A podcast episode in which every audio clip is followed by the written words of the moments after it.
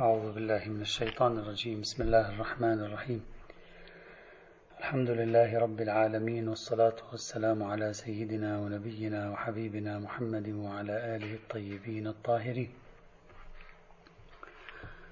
وصلنا في هذا الموضوع يعني موضوع القياس إلى النقطة الأخيرة التي هي الهدف النهائي من دراسة موضوع القياس في سلسلة بحوثنا هذه. وهذه النقطة سأضعها تحت عنوان نسبة القياس إلى الاجتهاد التعليلي والمناط والمقاصد ونسبته إلى قواعد التعدي عن حرفية النص.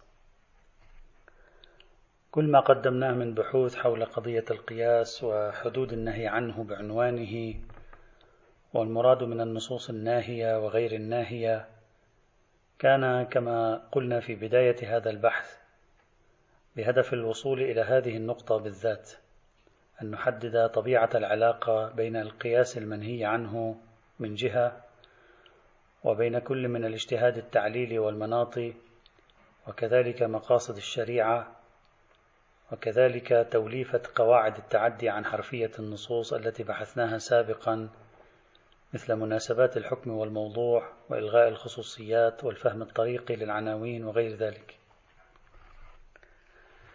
الإشكالية التي تظهر أمامنا هي أن قواعد من نوع إعمال الاستقراء والمذاق الشرعي وإلغاء الخصوصيات ومناسبات الحكم والموضوع وكذلك الأخذ بالمناطات والتعليلات.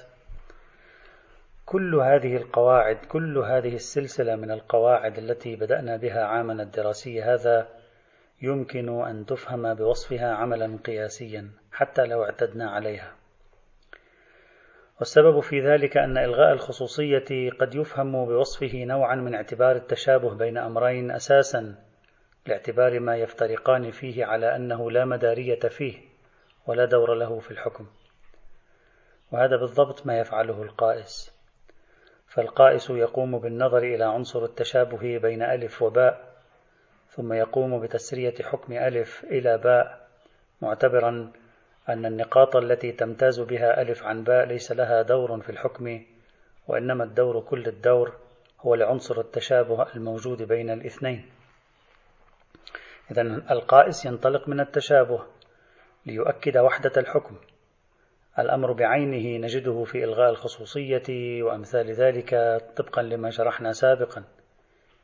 فهي تنطلق أيضا من التشابه لو حللناها لتؤكد وحدة الحكم المتضمنة لإلغاء الفوارق القائمة بين الأمرين ولهذا إذا تذكرون نجد بكل وضوح أن مباحث من نوع تنقيح المناط وتخريج المناط والعلة المنصوصة ونحو ذلك كلها من مسالك القياس والتعليل عند كثير من علماء أصول الفقه السني.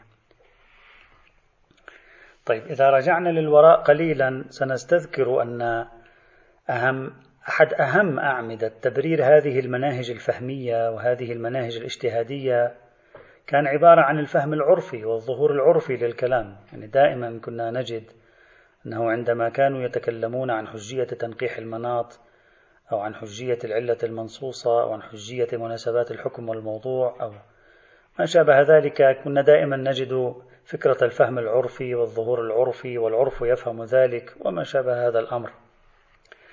ولذلك كنا نجد على الدوام أنهم عبر فكرة الظهور العرفي ميزوا بين القياس وإلغاء الخصوصية ميزوا بين القياس واجتهاد التعليل. فوضعنا هذه المناهج الموجبة للتعدي عن حرفية النص ضمن سياق الفهم العرفي ضمن سياق الظهورات العرفية. دائما كنا نتصور أنه يحمينا من التورط في مهلكة القياس المنهي عنه حسب الفرض. يعني كانت فكرة انتماء توليفة هذه القواعد إلى الدلالات العرفية إلى الفهم العرفي إلى الظهورات العرفية كانت توليفة انتمائها إلى هذا الإطار العام بمثابة الضامن والحامي لعدم تورط من يعمل هذه القواعد في مهلكة القياس. لكن في تقديري وكما ألمحنا إلى ذلك سابقا المعضلة الآن باتت أعمق. لأن النهي عن القياس لا يوجد ما يمنع من كونه نهيا من قبل الشارع عن فهم كلامه بهذه الطرق التي هي كما قلنا سابقا كنا دائما نؤكد ونكرر. هذه الطرق تتضمن بشكل أو بآخر في روحها في جوهرها تتضمن الطريقة القياسية حتى لو كان العرف هو الذي يقوم بها وليس زيدا أو عمرا. يعني بمعنى أنه إذا كانت الشريعة قائمة على تفريق المؤتلفات وتأليف المفترقات كما هي البنية التحتية للنهي عن القياس يعني مبدأ عدم التناظر مبدأ عدم التشابه. إذا كانت الشريعة قائمة على مبدأ من هذا القبيل بالصورة التي قدمها نفاة القياس كيف يحق للعرف أن يفهم مرادات الشارع في شريعته كما يفهم مرادات أي متكلم في نصوصه؟ هذه الحقيقة القانونية هذه الحقيقة التشريعية الموجودة في شريعة المولى سبحانه وتعالى. ألا تفرض على العرف تغيير قواعد فهم النصوص الدينية؟ بعبارة أخرى كيف كان مسموحا للعرف أن يستخدم هذه الأدوات التي هي في روحها وجوهرها تنتمي إلى ميكانيزم القياس كما قلنا مرارا؟ وليس مسموحا للقائسين ذلك. لماذا لا يسمح للقائسين؟ بحجة معارضتها لبنية الشريعة ولتركيبة الشريعة ولقانون تفريق المؤتلفات وتأليف المفترقات. وإذا كانت هذه منافية لذلك القانون فعل العرف هم أيضا مناف لذلك القانون. كيف كان إلغاء الخصوصيات عند العرف لا يمحق الدين بينما القياس يمحق الدين كما جاء في الحديث؟ ما الفرق إذن بين الاثنين في جوهر هذه العملية التي يقومان بها؟ ما الفرق بينهما في ميكانيزم الطريقة المعمول بها؟ في تلك القواعد العرفية أو في نشاط القائسين. هذه هي المشكلة الآن. نحن أمام مشكلة حقيقية وعلينا أن نحللها بما هو أقرب إلى التحليل الفلسفي والتفكيكي لكي نستطيع أن نميز بين آليات العمل العرفي في الاجتهاد في فهم النصوص والتخطي عن حرفياتها وبين آليات عمل القائسين في باب القياس. بل دعوني أكثر من ذلك نذهب. نقول حتى الفهم العرفي لو قام على الوثوق والإطمئنان بإلغاء الخصوصية. حتى لو قام أنه عنده وثوق عنده اطمئنان بإلغاء الخصوصية عنده علم بنفي احتمال هذه الخصوصية. لكن من حقنا أن نسأل أيضا سؤالا. نحن الآن بصدد إثارة الإشكالية. من حقنا الآن أن نسأل سؤالا بعد كل هذا التشدد في أمر القياس في لسان النبي وأهل بيته. أن نسأل ونوجه سؤالنا إلى العرف هذه المرة. نسأله ما هو المبرر الموضوعي للعرف؟ لحصول العلم له بنفي الخصوصية في شريعة قائمة على تفريق المؤتلفات وتأليف المفترقات. العرف أيضا مسؤول عليه أن يقدم جوابا منطقيا هنا ينسجم مع هوية بنية الشريعة وتركيبتها. أصلا ما هو مبرر هذا العلم موضوعيا؟ ما هو المبرر الموضوعي له بعد خبر أبان بن تغلب في دية الأعضاء؟ وبعد النصوص الحوارات بين أهل البيت ورموز من مدرسة الرأي مثل أبي حنيفة وابن شبرمة وابن أبي ليلى وغيرهم كما رأينا سابقا. وبعد النصوص الدالة على النهي عن إعمال العقل في الدين. بعبارة أخرى هذا العرف كيف يحق له أن يبلغ مرتبة الوثوق والإطمئنان؟ وهو يشهد واقعا تشريعيا من هذا النوع مختلفا عن الوقائع التشريعية التي كان يشهدها في حياته اليومية. مجرد حصول العلم للعرف بنفي الخصوصية لا يكفي. عادة نحن هكذا يقولون في الأجوبة النمطية يكفي أنه حصل له علم والعلم حجة. هنا نحن نتكلم في مرتبة أعمق من مرتبة حجية العلم الآن. نحن نقول مجرد حصول العلم للعرف بنفي الخصوصية؟ لا يكفي. إذا لم يقدم لنا هذا العرف تبريرا موضوعيا لذلك آخذا بعين الاعتبار بنية التفريق والتأليف التي هم يتكلمون عنها في نقد القياس وملاحظا نصوص النهي عن القياس ودرجة التشدد فيها. ألا يمكن أن تكون نصوص القياس؟ النصوص النهي عن القياس بتعبير أدق رادعة عن هذه السير العقلائية في فهم النصوص. تقول أنا لا أسمح لكم بممارسة هذه الطرائق العقلائية في فهم النصوص وأنتم تريدون فهم نصي لأن شريعتي وتركيبتها وبنيتها مختلفة عما ألفتموه سابقا. أليس من الممكن أن تكون معلنة لرفض الدين ممارسة هذه الطرق العقلائية في التعامل مع نصوصه نتيجة اختلاف بنية شريعته عن بنية الشرائع السابقة؟ أو المختلفة الأخرى البشرية؟ هذا هو السؤال الذي أريد الآن به حتى الآن أريد بيان إشكالية البحث المعضلة التي لأجلها دخلنا طيلة أكثر من شهر أو شهرين في بحث القياس وتحليل قضية القياس. الذي يلفت النظر أكثر أنني لاحظت أن السيد الصدر رحمة الله تعالى عليه على ما جاء في تقريراته كان بصدد البحث عن تنوع أدوار السيرة العقلائية والسيرة المتشرعية في باب حجية الظهور. هناك أثار مشكلة قال ألا يحتمل أن تكون نصوص النهي عن القياس رادعة عن السيرة العقلائية في باب حجية الظهور؟ فلنلاحظ معا ماذا يقول السيد الشهيد الصدر. قال ما دل على الردع عن العمل بالقياس.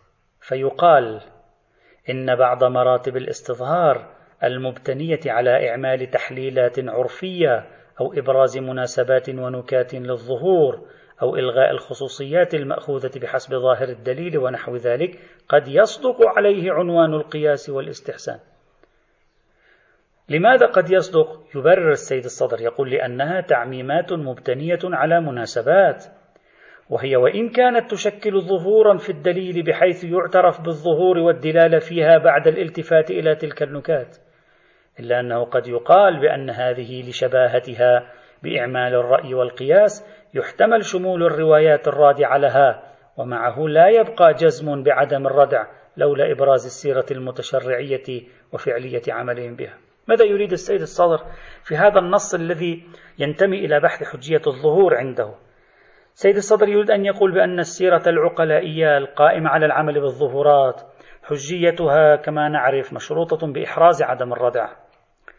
على مبانيه ومباني بعض وليس بعدم إحراز الردع. مشروطة بإحراز عدم الردع. يقول هذا إحراز صعب في بعض الأبواب التي يمارس فيها العرف ضربا من التحليل مثل إلغاء الخصوصيات وتنقيح المناطات ومناسبات الحكم والموضوع وما شابه ذلك. هذا من غير الواضح أننا نحرز عدم الردع في مثل هذه الآليات التي يستخدمها العرف هنا. لماذا أنت لا تحرز؟ عدم الردع يقول لأنني أحتمل شمول أدلة النهي عن القياس للمورد. نظرا لشدة التشابه ما بين هذه الآليات التي يقوم العرف بإعمالها وبين أعمال القائسين. لهذا هو يقول قبل أن يجيب عن إشكاليته يقول السيرة المتشرعية أحسن حالا هنا في باب حجية الظهور من السيرة العقلائية. لأن السيرة المتشرعية تستطيع أن تخبرني أن المتشرعة مارسوا هذا النوع من عمليات فهم النص وهذا يمكن أن يثبت لي حجية ذلك بينما السيرة العقلائية متوقفة الحجية فيها على إحراز عدم الردع. وإحراز عدم الردع ربما يكون غير منعقد مع وجود روايات النهي عن القياس التي يثير الصدر أنها يحتمل أن تكون مستوعبة لمثل هذه الآليات العرفية في فهم النصوص. كلام السيد الصدر مئة بالمئة صحيح نظريا. طبعا هذا لا يعني أن إثباته للسيرة المتشرعية هو عبارة عن نزهة هو يعتبر أن الإثبات إثبات هذه القضايا من السيرة المتشرعية مثلا يمكن. هذا أمر ليس سهلا أيضا لسنا بصدد هذا البحث لكنه ليس سهلا أن نثبت أن المتشرعة كانت سيرتهم وديدنهم على التعدي عن النصوص بمثل هذه القواعد. مجرد وجود بضعة روايات قليلة يفهم من ألسنة سؤال السائلين أنهم كانوا يعملون بمثل هذه الطرائق. هذا لا يكفي لإثبات السيرة منعقدة للمتشرعة بحيث كان الأئمة تكشف عن موقف الأئمة في هذا السياق. طبعا هذا بحث آخر حاليا لا يعنينا. أضف إلى ذلك السيد الصدر تعامل مع هذا الموضوع يعني موضوع العلاقة بين القياس وبين قواعد التعدي عن النصوص كما يظهر من هذا البحث. لأن هذا البحث ليس في القياس أصلا كان عنده هو بحث في حجية الظهور. تعامل معه على قاعدة احتمال الردع. يعني هو اعتبر كانت مشكلته أين؟ هو كان يقول بأن السيرة العقلائية قائمة على العمل بهذه الآليات من الاستظهار. لكن نحتمل الردعة احتمال الردع من أين يجري؟ قال من أدلة النهي عن القياس. يحتمل أن تكون شاملة. هذه هي فرضية بحثه مع أنه في تقديري كان يلزمه في البداية أن يقول هل هذه النصوص ليست ظاهرة؟ أصلا لماذا أوقف الموضوع عند حدود الاحتمال ولم يقل إن نصوص النهي عن القياس ظاهرة في الشمول لمثل هذه القواعد بعبارة أخرى تحويل السيد الصدر الإشكالية من دليل النهي إلى احتمالية النهي هو بنفسه مصادرة يعني هو في البداية يجب أن يدلنا لماذا لم يكن دليل القياس عندك شاملا لمثل هذه القواعد لمثل هذه التوليفة من القواعد. لماذا لم يكن واضحا في الشمول؟ لماذا لم يكن واضحا في في الردع؟ لم يبين لنا. مباشرة شرع في البحث من تنزل وهو احتمال الردع. ربما يكون نفي ذلك عنده نتيجة وضوح. لا نعرف السبب. لم يجد نفسه محتاجا لتبيين نفي ظهور أدلة القياس في النهي عن توليفة التعدي عن النص لذلك أبقى القضية في دائرة الاحتمال. وإن كان حق المطلب في البداية أن نحلل هل هذه النصوص ظاهرة أو ليست بظاهرة. إن لم تكن ظاهرة هل هي محتملة الظهور أو لا؟ محتملة الشمول أو لا؟ فأولا ننفي رتبة ظهورها ثم بعد ذلك نذهب إلى نفي تأثير رتبة احتمالها على بحث السيرة العقلائية. فهذه إشكالية في البحث ربما لم يتطرق إليها هو بسبب أنه لم يكن أصلا في مقام تحليل قضية القياس ولعل لديه يعني عذره في ذلك. على أي حال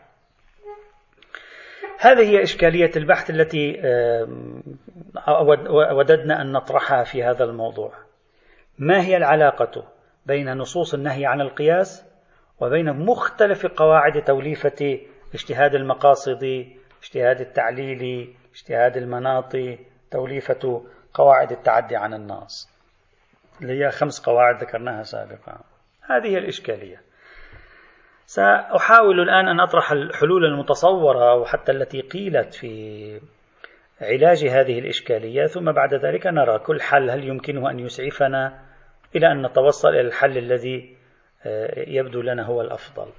الحل الأول وسأسميه بالحل النمطي أن هذا الحل هو الحل الموجود عند تقريبا أغلب الذين تعرضوا لهذه القضية أو ألمحوا إليها في كلمات فقهاء الإمامية وأصوليهم. وألمح إليه وشرحه أيضا الشيخ الإيرواني في كتابه تجذير المسألة الأصولية. وأظنه موجود ومرتكز في أذهاننا جميعا. سبق أن ألمحنا إليه في ثنايا الحديث عن تلك القواعد. هذا الحل يقول هذه القواعد مرجعيتها العرف والسيرة العقلائية وهي غير مردوع عنها فتكون حجة. والفرق بينها وبين القياس أننا في هذه القواعد نرجع للعرف الذي يفهم نتيجتها عبر فهمه للدلالات اللفظية المنطوقة وغير المنطوقة. نحن نرجع للعرف. بينما في القياس نحن لا نرجع للعرف. نحن نذهب للحكم في ألف. نفهم دلالاته العرفية. انتهينا. انتهى دور العرف الف... الدور الفهمي للعرف انتهى. نفهم الدلالات العرفية. ثم نترك العرف جانبا. نأخذ نحن النتيجة في حكم ألف. نبدأ نحلل العلة والملاك في جعل هذا الحكم على ألف. نقوم بالحصول على هذه العلة والملاك بالظن فنقوم بالتعميم إلى باء. إذا جوهر الفرق ما بين القياس المنهي عنه وبين هذه التوليفة من القواعد هو في الحقيقة يكمن في أمرين. الأمر الأول انتماء هذه التوليفة من القواعد إلى دائرة الفهم اللفظي بينما القياس لا ينتمي إلى دائرة الفهم اللفظي بل هو ينتمي إلى دائرة الفهم التعقلي تحليلي هذا ألف باء. في العرف عندما يلغي الخصوصيات وأمثال ذلك يحصل له العلم بالنفي يحصل له العلم بالعلة والملاك. بالعلة أو الملاك العلة بمعنى المناطق أقصد هنا. بينما نحن في القياس ليس عندنا إلا الظان. بتعبير بعض الباحثين المعاصرين قال هذه القواعد وهذا تعبير ذكرناه سابقا عندما تحدثنا عن هذه القواعد. تعبير يقول القواعد هذه هي مناهج تفسيرية فهمية للكلام. أما القياس فهو, فهو مناهج عقلية تحليلية تبدأ بعد الانتهاء من مرحلة فهم الكلام لغة وعرفا إذا أردت أن أوضح كلامه على طريقته. هذا الحل هو الحل النمطي الذي لاحظناه سابقا مرارا وتكرارا. لكنني أعتقد بأن هذا الحل غير كاف. هو خطوة نحو الأمام لكنه غير لكنها خطوة غير مكتملة كما سنرى لاحقا. لأن هذا الحل لا يلامس جوهر المشكلة التي كشفنا عنها قبل قليل بل يتعامل معها بطريقة نمطية كلاسيكية. المشكلة ليست في فهم العرف وعدم فهم العرف. المشكلة ليست في الظن واليقين. وروح المشكلة كما قلت قبل قليل في أنه ما هو المبرر للفهم العرفي في ظل وجود روايات النهي عن القياس وفي ظل نصوص قيام الشريعة على مبدأ عدم التناظر كما شرحنا قبل قليل. الحل الوحيد الذي طرح هنا هو أن الشيخ الإيرواني تصور وكثير معه يعني عبر عن كلامهم تصور أن القياس كأنه منحصر باكتشاف العلة أو الملاكات عبر الظن الشخصي التحليلي. وأنتم لو تأملتم هذا الفهم للقياس هو محاولة لاختزال نظرية القياس بمسلك واحد من مسالك التعليل. اللي هو عبارة عن المسلك الخامس الذي شرحناه سابقا مسلك المناسبة. وهذا كلام غير دقيق. اختزال القياس بالمسلك الخامس اختزال ليس في محله. أيضا التمييز بين التحليل العقلي والفهم العرفي هو أيضا غير دقيق. سابقا مرارا وتكرارا إذا الإخوة يذكرون لما تكلمنا عن القواعد هذه قلنا بأن العرف يمارس جانبا معقوليا إلى جانب الجانب الملفوظي كما عبرنا عنه. ليس نشاط العرف هو استنطاق النص مباشرة. العرف بنفسه أيضا هذا تحدثنا عنه في ميكانيزم تنقيح المناط وإلغاء الخصوصيات وتخريج المناط وإلى آخره. العرف بنفسه يقوم بممارسة عملية آه، تحليلية. غاية الأمر أن العملية التحليلية العرفية لأنها عامة يعني لأنها آه، عنصر مشترك بين الناس نحن نظن أنها مستقاة مباشرة من النص لكنها بنفسها عملية تحليلية تشبه الذي يقوم به القائس. لا فرق بين الاثنين. الفرق أننا لأنسنا بهذه العملية التحليلية تحصل عندنا هذه العملية التحليلية في جزء من الثانية. بينما القائس يحتاج إلى إجراء مقدمات وإلا نفس العملية هي بنفسها. لذلك لا أحتاج إلى أن أفصل أكثر بعد كل التوضيحات التي ذكرناها اليوم وذكرناها في القواعد سابقا مرارا وتكرارا. أعتقد بأن هذه المحاولة اللي هي المحاولة النمطية الموجودة عند نوفاة القياس اقتربت من الحل. لكنها لم توفق في صياغته بالدقة كما سوف نرى إن شاء الله تعالى آه، غدا أو بعد غد. إذا هذا الحل الأول وصار أمره واضحا مما تقدم سابقا واليوم. الحل الثاني. ما ذكره السيد الصدر. قال السيرة العقلائية قامت على ممارسة هذه القواعد الفهمية كلها. لا بد في الرادع عن سيرة مستحكمة أن يكون قويا واضحا صريحا متناسبا مع وضوح السيرة وقوتها. هذه الكلمات التي نعرفها. طيب هل يوجد هنا رادع قوي واضح صريح متناسب مع وضوح السيرة وقوتها؟ سيد شيد يقول لا. لماذا؟ لأن ليس بأيدينا سوى التشابه بين بعض النمط الاستظهاري وبين القياس والرأي. هذا التشابه بهذا المستوى لا يشكل رادعا قويا واضحا صريحا متناسبا مع وضوح السيرة وقوتها. وبالتالي إذا كان الأمر كذلك نحن بتنا نحرز عدم الردع المناسب.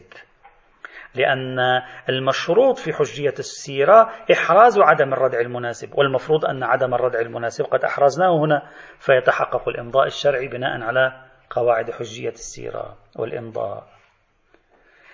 طبعا هذا الحل الذي يطرحه السيد الصدر هو بنفسه قائم على فرضية احتمال شمول نصوص النهي لهذه القواعد. يعني من الأول السيد الشهيد مفترض أن المشكلة هي احتمال شمول نصوص النهي لهذه القواعد. نعم على كلامه يصبح صحيحا. إذا لم يكن بين أيدينا سوى احتمال شمول نصوص النهي عن القياس لهذه القواعد محض احتمال ليس هناك ظهور ليس هناك وضوح. نعم جوابه في محله ينفعه في باب حجية الظهور. لكن نحن لو رجعنا عدنا إلى أصل الموضوع يمكن أن نقول هذا الكم الكبير من نصوص النهي عن القياس والرأي والذي يوضح بشكل جلي على على شرحهم هم أن النهي كان قائما على اعتماد التشابهات في فهم الشريعة. ومؤكدا لقيام الشريعة على تأليف المفترقات وتفريق المؤتلفات وهذا بنفسه كاف في الردع لماذا نعتبره محتملا للشمول وهذا ظاهر في الردع لعل الذي يجعل السيد الصدر يتصور أنه غير كاف في الاستظهار هو ما رآه في ظني يعني اعتماد مشهور الفقهاء بعد ذلك على هذه الطرق. اعتبر أنه بما أن الفقه سار على هذه الطرق إذا شمول تلك النصوص احتمالي إذ لو كان شموله تلك النصوص لهذه القواعد استظهاريا لما وجدنا الفقهاء قد عملوا بهذه القواعد في المراحل اللاحقة. بصرف النظر طبعا هذا موضوع محل جدل كما نعرف. من الممكن أن نقول بأن الفقهاء في عصر ما بعد النص أصلا اشتبهوا. نحن الآن لا يهمنا ماذا فعل الفقهاء. ربما كما يقول الإخباري تأثروا بالمدارس السنية السائدة كما تماما كما قيل عن ابن الجنيد أنه تأثر في في موضوع القياس بالمدارس السنية السائدة كما قيل. إذا احتملنا أن سلوك الفقهاء فيما بعد كان ناتجا عن اختلاطهم بالمدارس الأخرى. أصلا لماذا نرجع إليهم؟ لا يهمنا فلنرجع مباشرة إلى نصوص النهي عن القياس لنقول هل لها في نفسها دلالة على الردع أو لا؟ إذا كان لها في نفسها دلالة لا معنى لهذا الحل. إذا لم يكن لها في نفسها دلالة ولا تحتمل الدلالة أصلا لا حاجة إلى هذا الحل. نعم إذا احتملت الدلالة ولم تكن ظاهرة في الدلالة تنفع السيد الشهيد في باب السيرة العقلائية لا في موضوع بحثنا. أرجو التدقيق جيدا لمعرفة أن مفروض المسألة عند السيد الصدر والغاية من المسألة عنده شيء ومفروض المسألة عندنا يعني مفروض إشكالية البحث عندنا والغاية شيء آخر. وبالتالي الحل الذي يضعه هنا السيد الشهيد ينفعه في مفروض مسألته احتمالية الردع. أما لا ينفعنا في نفي شمول نصوص النهي عن القياس أن أن نصوص النهي عن القياس ليست ظاهرة في النهي عن هذه التوليفة من القواعد. فإذا هذا الحل أيضا لا ينفعنا هنا. نحن نحاول أن نستخدم حلوله في ذلك المجال لنرى هل يمكن أن تنفعنا في المقام أو لا. حتى الآن لا تنفعنا. الحل الثالث. أيضا ذكره السيد الصدر. قال نستند لإثبات حجية هذه القواعد الفهمية نستند للأدلة اللفظية. أصلا نحن لا نستند للسيرة العقلائية. عندنا مجموعتين من الروايات. المجموعة الأولى الروايات التي أمرت بالتمسك والرجوع إلى الكتاب والسنة. وهذه موضوعها الكتاب والسنة إما بما هما من مقولة اللفظ أو بلحاظ المعنى. إذا كان من مقولة اللفظ فبالإطلاق اللفظي تدل على حجية تمام مراتب الظهور. إذا كان من مقولة المعنى فبالإطلاق المقامي تدل. وهذا معناه أن الإحالة على العرف والإحالة على الطريقة المتعارفة عند العرف كاف في كون الروايات الآمرة بالتمسك بالكتاب والسنة هي بنفسها دالة على حجية هذه الطرق العرفية. هذا المجموعة الأولى. المجموعة الثانية ما دل على تحكيم دلالات القرآن الكريم ابتداء. مثل مثلا خبر عبد الأعلى مولى آل سام هذا وأشباهه يعرف من كتاب الله. كذلك مثلا روايات العرض على الكتاب الكريم. طب ما قيمتها على نفس الطريقة؟ نقول هذه تأمرنا بعرض الأحاديث على الكتاب الكريم وتحكيم دلالات الكتاب الكريم إما ابتداء أو عند تعارض النصوص الحديثية مثلا. فبإطلاقها نفهم أنها شاملة أنها شاملة لموارد إعمال العرف لهذه القواعد. لا أقل بالاستعانة بالسيرة العقلائية كون مفاد السيرة العقلائية في هذا المورد قدر متيقن. بهذه الطريقة ماذا فعل السيد الشهيد؟ قال أنا لست بحاجة إلى إحراز عدم الردع من خلال العلاقة بين نصوص النهي عن القياس ونفس السيرة. أنا أصلا أترك السيرة. أذهب إلى نصوص الأمر بالتمسك بالقرآن والسنة وأذهب إلى نصوص الأمر بالعرض على الكتاب الكريم.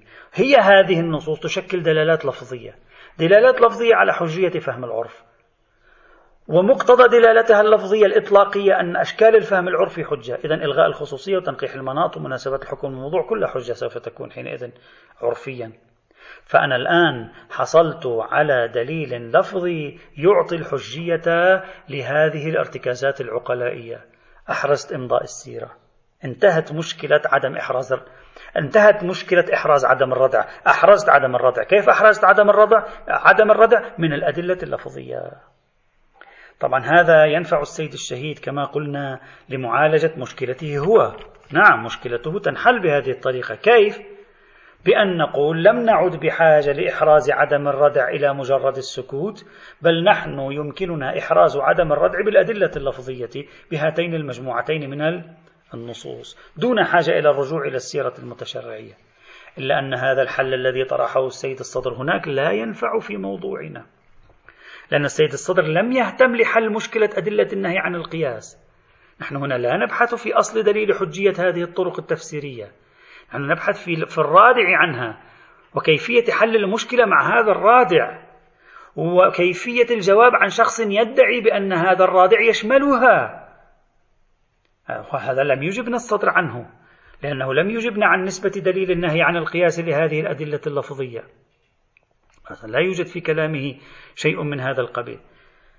وبالتالي غايته عند السيد الصدر أن العمومات والمطلقات الموجودة في هاتين المجموعتين من النصوص احتمال كون روايات النهي عن القياس مخصص لها لا ينفع. نعم لأن الاحتمال المخصص المنفصل لا ينفع. أما فيما نحن فيه هاتين المجموعتين من الأدلة تثبت حجية هذه الطرق العقلائية في الفهم والتفسير. لكن تعارضها أدلة النهي عن القياس. أنا أمام معارضة المفترض حينئذ أن تتقدم أدلة النهي عن القياس لأنها أخص على أخص دائرة من تلك من تلك المجموعتين اللتين ذكرهما السيد الصدر. إذا جهة النظر بيننا وبين السيد الصدر مختلفة. من وجهة نظره احتمال المخصص لا يمكن أن يخصص المنفصل وهذا صحيح. أما عندنا نحن وجد المخصص والنسبة هي نسبة التخصيص والتخصيص لصالح أدلة النهي عن القياس. وبالتالي المشكلة ما تزال منعقدة وهذا الحل الذي يطرحه الصدر هناك أيضا مع الأسف الشديد لا ينفعنا في المقام. إذا نفع هناك. الحل الرابع. أيضا ذكره السيد الصدر. وأرجو التأمل في هذا الحل سيد الصدر قال لنفرض أنه حصل ردع. يقول الردع المحتمل. هو يتكلم عن الردع المحتمل. هذا الردع المحتمل الذي حصل احتمالا نقول حصل متى جاء؟ متأخر عن صدر الإسلام. لأن روايات الردع عن القياس والرأي متأخرة. إذا تذكرون عندما تكلمنا عن روايات تفسير القرآن بالرأي في أول مباحث القياس كان السيد الصدر يقول بأن كلمة الرأي لها مصطلح خاص وكان يفهم النصوص وكأنها كلها صادرة في نهايات القرن الأول وفي القرن الثاني والثالث الهجريين. نحن هناك علقنا على هذا الكلام إذا تذكرون. فهو الآن هكذا يقول يقول إذا في ردع إذا يوجد ردع وردع محتمل. إذا يوجد ردع هذا الردع جاء فيما بعد. طيب هذه السيرة العقلائية على إعمال توليفة القواعد هذه. هذه السيرة العقلائية موجودة قبل الإسلام وموجودة أول الإسلام أيضا. وقد أمضيت. أمضيت كما أمضيت مجموعة من الأشياء, من الأشياء في صدر الإسلام. طيب بناء عليه إذا جاء الردع لاحقا فلا بد أن يفرض أنها أن ذلك الذي أمضي نسخ من باب التدرج في التشريع. فحينئذ احتمال الردع يساوي احتمال النسخ. سيد الصدر ماذا يريد أن يقول؟ هذه القاعدة استفاد منها في بعض في بعض المواضع السيد محمود الهاشمي وفي مواضع أخرى السيد كاظم الحائري كما سوف نشير إن شاء الله تعالى. ونحن علقنا عليها في في في كتاب حجية الحديث. هو يريد أن يقول جاء الإسلام. جاء مثلا زمن البعثة. جاء خمس سنوات من زمن الهجرة. طيب هذه القواعد الفهمية التفسيرية تنقيح المناط وأمثالها ما كان يعمل بها العرف؟ بل يعمل بها العرف. سكوت النبي والقرآن عنها أليس دليلا على الترخيص فيها؟ نعم هو دليل على الترخيص فيها. خلاص إذا حصل الترخيص. حصل الإمضاء. إذا أنا صرت متأكد من انعقاد الإمضاء. طيب الآن أنت تقول لي حصل النهي عن القياس الذي يحتمل أنه ردع عن هذه القواعد. ما معنى ذلك؟ يعني لو كان هناك ردع حقا عن هذه القواعد فهو نسخ نسخ. يعني هذا نسخ لأن الإمضاء الحقيقي الواقعي قد حصل. الإمضاء الحقيقي الواقعي الجدي قد حصل. إذا أنا عندما أحتمل الردع بعد سنة خمسة للهجرة فضلا عما بعد وفاة النبي صلى الله عليه وعلى آله وسلم عندما أحتمل الردع فأنا في الحقيقة أحتمل الناسخ فأستصحب عدم الناسخ وبتعبير آخر أستصحب بقاء الحجية. فأنا أعمل بإطلاق دليل الاستصحاب الداخل في القدر المتيقن من هذه السيرة على العمل بالظهورات. وبالتالي أنفي النسخ أنفي احتمالية النسخ أثبت بقاء حجية هذه الطرق. انتهينا. فالردع المحتمل لم يعد مؤثرا في حجية السيرة العقلائية لأن هذه الحجية أمضيت قطعا أحرزنا عدم الردع عنها في الصدر الأول. ثم شككنا في وجود ناسخ لها. نستصحب عدم النسخ في مثل هذه الحال. وهذه الفكرة أم أيضا أعاد أعاد وقررها السيد الهاشمي في هامشه حاول أن يذكر تقريبا جديدا لكنه أوضح في كتابه أضواء وآراء أوضح أن هذا التقريب الجديد الذي حاول أن يذكره في الهامش ليس إلا إعادة صياغة لنفس تقريب السيد الصدر وهو كذلك في الحقيقة إعادة صياغة لنفس تقريب السيد الصدر. إذا يريد السيد الصدر هنا يتبعه في ذلك السيد الهاشمي. أن يثبتا أن إمضاء هذه الطرق العقلائية في الفهم تحقق وأحرز وصار حتميا في العصر النبوي. وهذا تعبير آخر عن صدور موقف. إذا أحرزنا عدم الردع. إذا أي موقف رادع فيما بعد سوف يكون نسخا لهذا الحكم الذي قد جعل. والمفروض أن النسخ هنا محتمل. فنستصحب عدم النسخ. عندي يقين بال بالحدوث. عندي شك في البقاء. يقين بحدوث الحجية شك في البقاء. عندي يقين بعدم النسخ سابقا. عندي شك في النسخ. أستصحب حينئذ. أو لك أن تقول لا أتخلى عن إطلاقات الأدلة القائمة بمجرد الاحتمال. الاحتمالات هذه لا يمكنها أن تهدم شيئا في المقام في مثل هذه الحال. هذا ما يطرحه السيد الشهيد الصدر ويتبعه عليه تلميذه السيد الهاشمي في هذا الموضوع. هل هذا التحليل صحيح أو لا؟ هذا التحليل صحيح أنه يطرحه في باب احتمالية الردع احتمالية النسخ لكن هذا ممكن نحن أن نستفيد منه أيضا حتى مع رفع مستوى الاحتمالية إلى إثبات الردع حينئذ. وسنرى إن شاء الله تعالى غدا كيف يمكن أن نخرج من هذا التحليل أو نحلله بطريقة أدق لنرى هل هو نافع أو ليس بنافع.